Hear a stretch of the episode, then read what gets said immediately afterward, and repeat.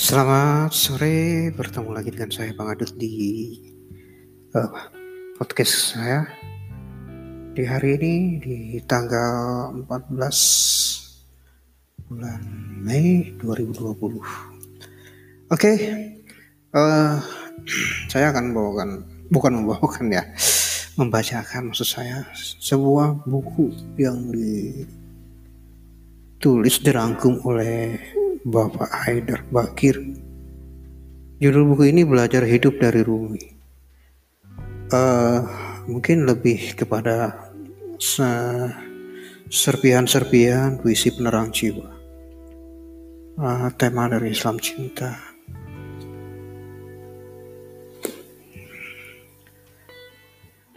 Kau dilahirkan dengan sayap. Kenapa mesti merayap dalam hidup? Jalaluddin Rumi 1207-1273 adalah penyair sufi Persia. Salah satu yang mewakili puncak tertinggi hazanah sastra Islam. Orang suci dari timur ini yang sejak bocah diramalkan Fariduddin Attar akan menjadi orang masyhur yang menyalakan api gairah ketuhanan ke seluruh dunia. Oleh UNESCO digambarkan sebagai seorang humanis, filosof, dan penyair besar milik semua umat manusia. Namanya memang melekat abadi di hati banyak warga dunia, tak peduli apa pun agamanya. Karena gemilau syair dan kandungannya yang menghujam relung kesadaran. Berikut hmm, pendapat-pendapat dari filsuf dan penyair Indonesia ada berapa orang? Ada dua dari Indonesia, oh bukan dari uh, dari ada tiga. Dari Bung Muhammad Iqbal pendapat dia Rumi sangat memahami ruh Al-Quran. Cahaya Al-Quran tersembunyi di dalamnya hingga kristal jamsi pun tampak buram di hadapan cermin jiwanya. Yang kedua Abdul Hadi wah, seorang budayawan mengatakan Meskipun sederhana pembaca puisi yang sungguh-sungguh akan sukar merupakan baris-baris sajak Rumi yang meninggalkan kesan teramat dalam karena pesona dan kedalaman. Berikutnya dari Bung Andre Harvey, penulis The Way of Passion, A Celebration of Rumi, mengatakan dalam buku ini, eh, dengan buku ini maksudnya, Rumi merupakan penunjuk jalan utama bagi zaman kebangkitan baru yang sedang berjuang untuk bangkit saat ini. Ia adalah inspirasi spiritual di abad ke-21. Mungkin ini saja dulu yang akan saya bacakan dengan buku ini. Uh, mungkin nanti sekitar pukul 19 atau 20 nanti saya akan kembali lagi ini uh, berhubung sekarang udah menjelang berbuka puasa jadi saya harus bersiap-siap dulu. Oke, okay, uh, stay tune selalu di channel saya Bang Adut Podcast. Terima kasih.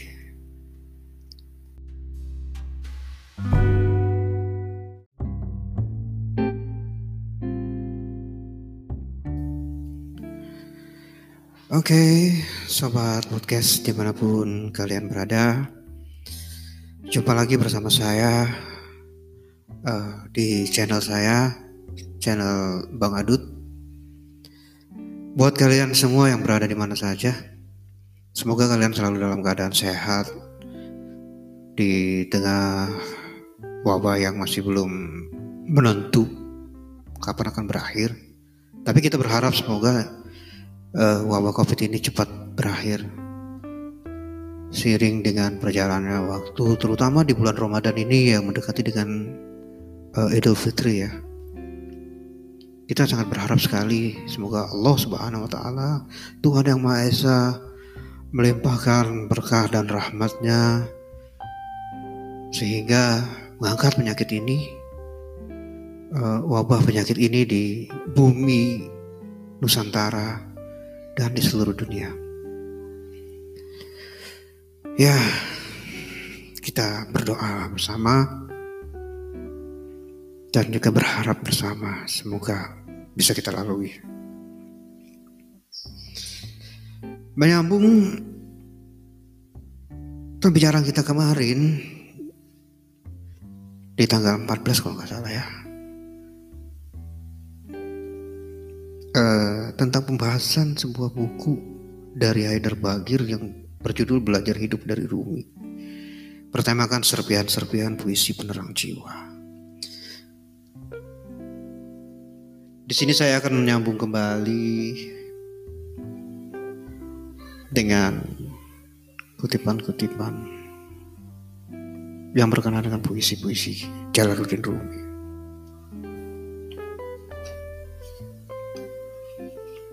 Terlebih dahulu saya akan membacakan pengantar dari penyusun. Di sini Haidar Bagir menuliskan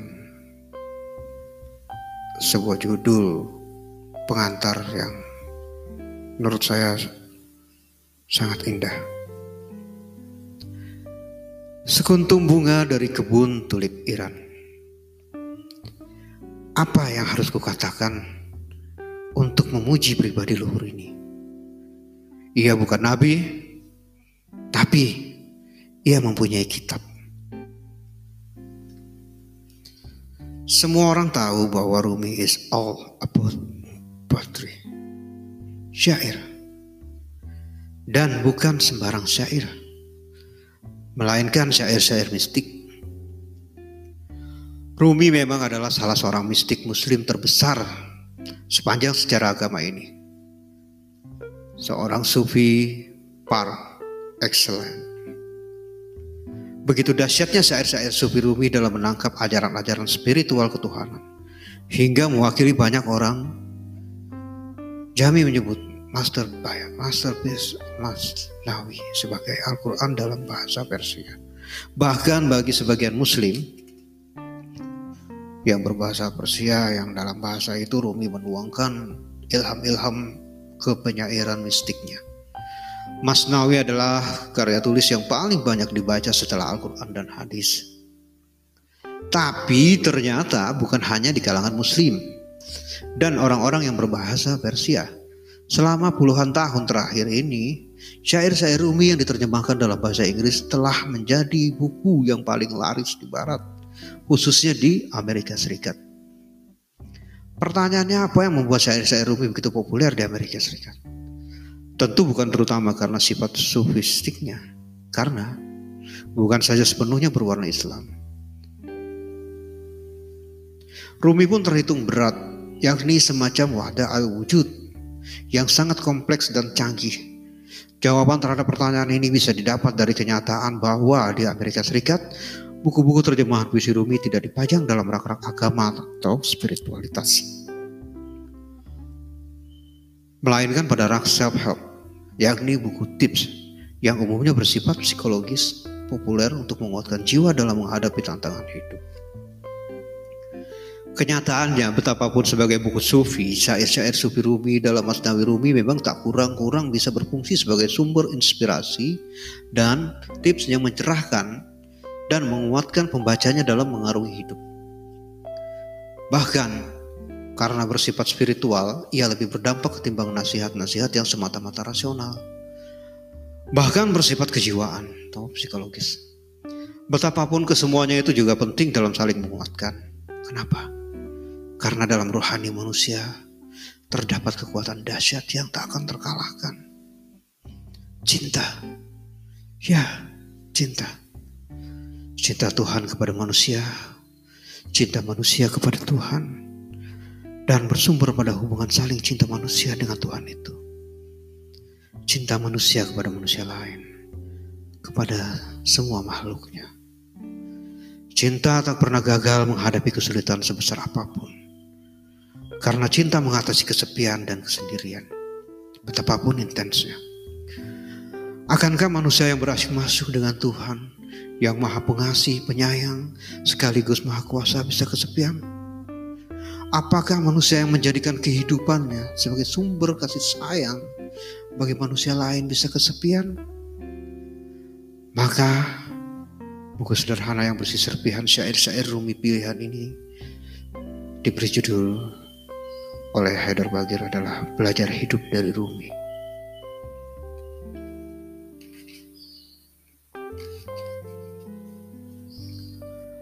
Selanjutnya Haidar Bagir juga minta izin kepada Mas Abdul Hadi WM.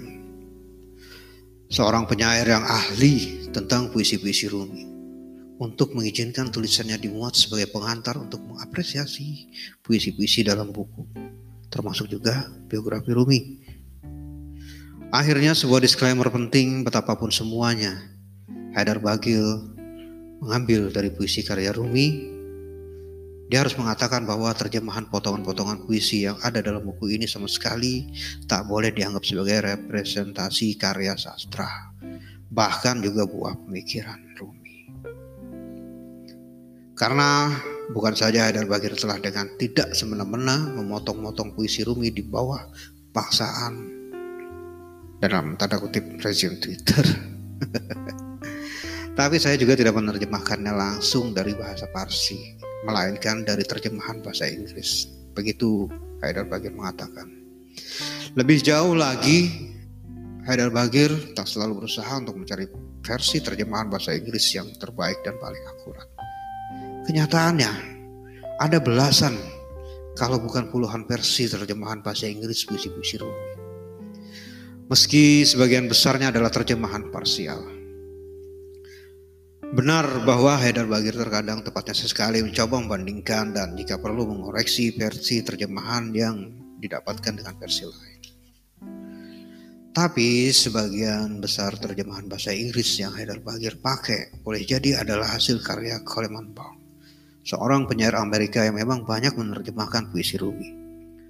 Namun meskipun dia sendiri adalah penyair yang cukup dikenal di negeri itu, terjemahannya banyak dikritik oleh para sarjana ahli Rumi yang serius. Dengan kata lain, memang buku ini lebih pantas dijuduli sebagai buku untuk belajar. Belajar hidup. Betapapun semua bahan pelajaran yang memang berasal dari Rumi. Dan bukan sama sekali sebuah karya sastra terjemahan. Apalagi sebuah karya akademik. Maka Haidar Bakir pun berharap para pembaca menerima dan mencintai buku ini apa adanya. Karena betapapun cacatnya, dia mengatakan mempersembahkan hasil kerja sederhana ini juga dengan penuh rasa cinta. Dia tentu tak akan menutup diri, bahkan akan sangat berterima kasih jika ada kritik dan saran atasnya. Tapi sama sekali tak ada jaminan bahwa Haidar Bagin akan bisa punya cukup waktu untuk bisa membuat hasil kerja lebih baik dari ini. Mudah-mudahan para pembaca dalam hal ini mungkin pendengar saya mau memaafkan Haidar Bagir dan dengan itu menyantap dengan segala kelezatan, gurih, lembut, dan terangnya serpihan puisi-puisi Rumi ini bagi jiwanya. Karena takkan ada serupa Rumi yang akan muncul dari kebun tulip Iran. Kutipan dari Bung Muhammad Iqbal, Haidar Bagir. Itulah tadi kutipan pengantar buku Belajar Hidup dari Rumi serpihan-serpihan puisi penerang jiwa. Yang berikutnya juga saya akan mengutip pengantar dari Bung Abdul Hadi WM.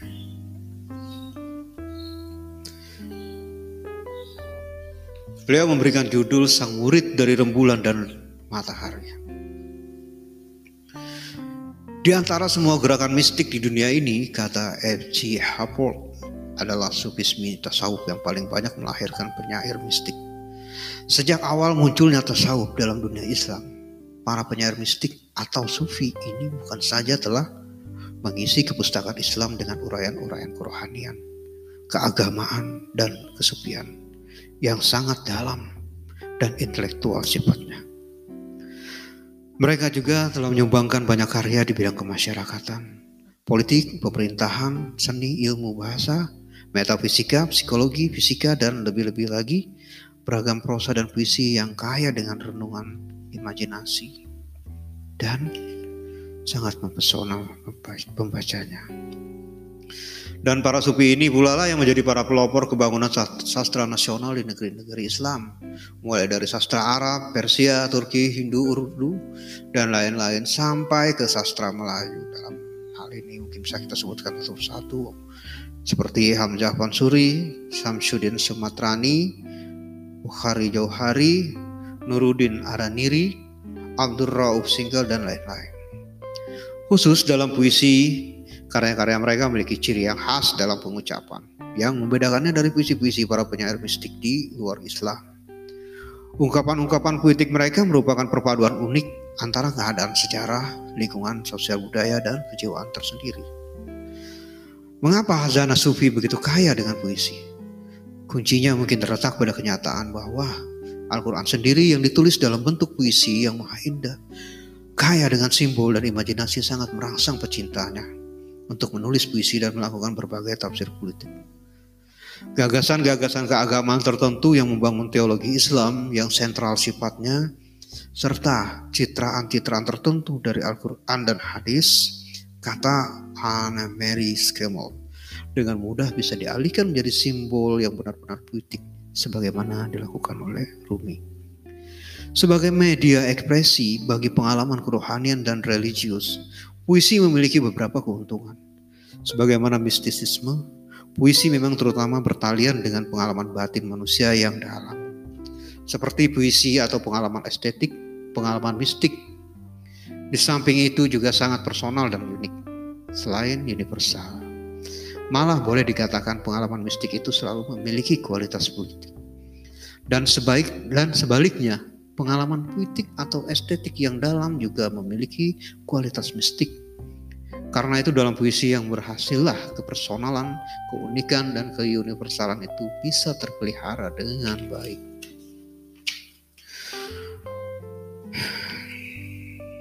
Manusia menurut Rumi harus berjuang dalam mengembangkan kepribadiannya sehingga mampu berada di dalam takdir itu sendiri, bukan dihempaskan karena berada di luarnya. Manusia diturunkan ke bumi dengan kebebasan yang memilih ia harus berusaha mengisi kebahagiaan hidupnya dengan upaya umat sungguh-sungguh, serta memberikan harga dan nilai pada kehidupan ini. Dalam puisi-puisinya, Rumi sering memulai dengan sebuah kisah dan selanjutnya menggunakan kisah-kisah lain. Namun ia tak bermaksud menulis puisi naratif. Kisah-kisah itu ia gunakan sebagai alat pernyataan pikiran atau ide. Seiring pula dengan maksud menciptakan lambang-lambang dari pengalaman mistiknya. Jadi kisah tidak berperan sebagai melulu kisah. Misalnya kisah Laila dan Majnun yang ambil untuk melukiskan percintaan atau kesatuan mistik seperti halnya kisah Yusuf dan Zulaiha. Di sinilah letak kekuatan Rumi dalam membangun asosiasi simbolik yang sangat penting dalam puisi, khususnya puisi keagamaan atau mistik. Beberapa tokoh sejarah atau legenda yang ia tampilkan juga bukan dalam maksud kesejarahan, namun sebagai imaji-imaji simbolik. Begitulah misalnya tokoh-tokoh seperti Yusuf, Musa, Maryam, Al-Halaj, Yakub, Isa, dan lain-lain. Ia tampilkan sebagai lambang dari keindahan jiwa yang mencapai marifat. Dan memang tokoh-tokoh tadi dikenal sebagai pribadi-pribadi yang diliputi oleh cinta ilahi. Selain kekayaan imajinasinya, Rumi juga menonjol di antara penyair sufi dan mistik lain.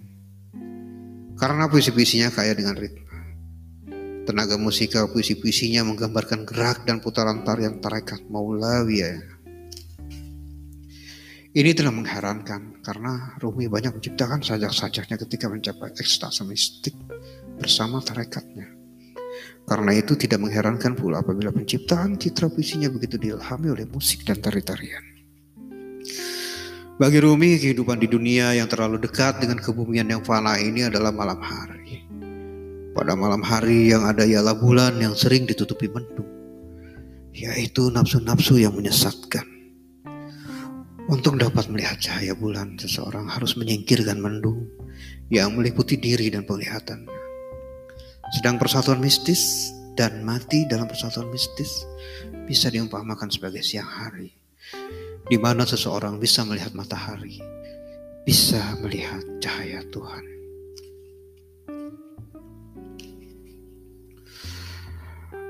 Sobat podcast Bang Adut, itulah tadi pengantar-pengantar dari uh, budayawan Sufisme termasuk juga dari penyusun pengantar itu Haidar Bahagia. Selanjutnya kita akan masuk ke dalam puisi-puisi itu sendiri. Serpihan-serpihan puisi penerang jiwa. Aku mati sebagai mineral. Aku mati sebagai mineral dan menjelma tumbuhan. Aku mati sebagai tumbuhan dan menjelma hewan. Aku mati sebagai hewan dan menjelma manusia. Lalu kenapa aku harus takut berakhir pada kematian? Mau tak pernah mengurangi sesuatu dariku. Sekali lagi, aku masih harus mati sebagai manusia dan lahir di alam malaikat. Aku harus mati lagi karena segala sesuatu pasti binasa, kecuali wajahnya. Setelah itu aku masih harus mati dan menjelma sesuatu yang tak bisa kupahami. Ah, biarkanlah diriku lenyap memasuki kekosongan, kesunyian. Karena dalam kesunyian itulah terdengar suara. Hanya kepadanya lah segala sesuatu kembali. Kisah evolusi kehidupan manusia sejak diciptakan sebagai raga mati. Mineral melewati kepemilikan jiwa, tumbuhan dan hewan. Menjadi manusia setelah mendapatkan tiupan rohnya. Lalu naik ke tingkatan malaikat. Meninggi terus hingga sampai kembali kepadanya.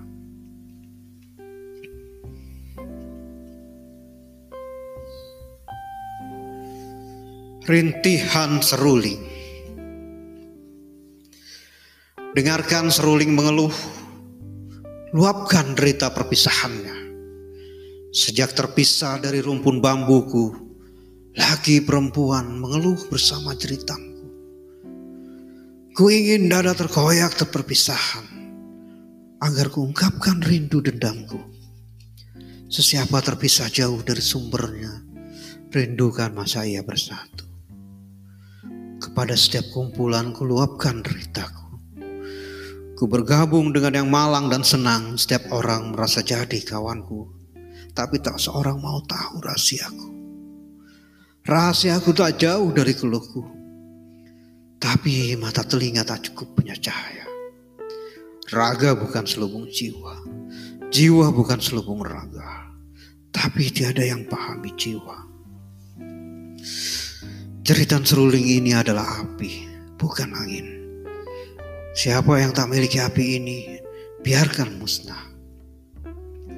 Api cintalah yang ada dalam seruling. Busa cintalah yang meluap dalam angkur. Seruling adalah rekan siapa saja yang terpisah dari sahabat. Melodinya mengorak hijab hati kita. Siapa yang pernah lihat racun dan penawar seperti seruling? Siapa yang pernah lihat pengasuh dan pecinta yang rindu bak seruling? Seruling bercakap tentang jalan bersimbah darah dan berkisah tentang asmara Majnun. Seperti bambu pembuat seruling yang tercerabut dari rumpunnya, manusia rindu menyatu kembali dengan Tuhan, sumbernya. Oke sahabat podcast Bang Adut. Mungkin untuk hari ini cukup dua puisi yang akan saya bacakan. Yang saya bacakan maksud saya. Akan saya sambung lagi di lain kesempatan. Tentunya tetap stay tune di channel podcast Bang Adut. Semoga hari-hari kalian sobat tetap dalam keceriaan, tetap dalam kesenangan, tetap dalam kegembiraan. Meskipun kita harus selalu tetap stay di rumah saja. Semoga tidak mengurangi dengan kebahagiaan kita itu sendiri. Baik sahabat podcast Bang Adut. Sampai di sini dulu perjumpaan kita dan Kita akan bertemu lagi di lain kesempatan. Stay safe and tetap di rumah saja. Assalamualaikum warahmatullahi wabarakatuh.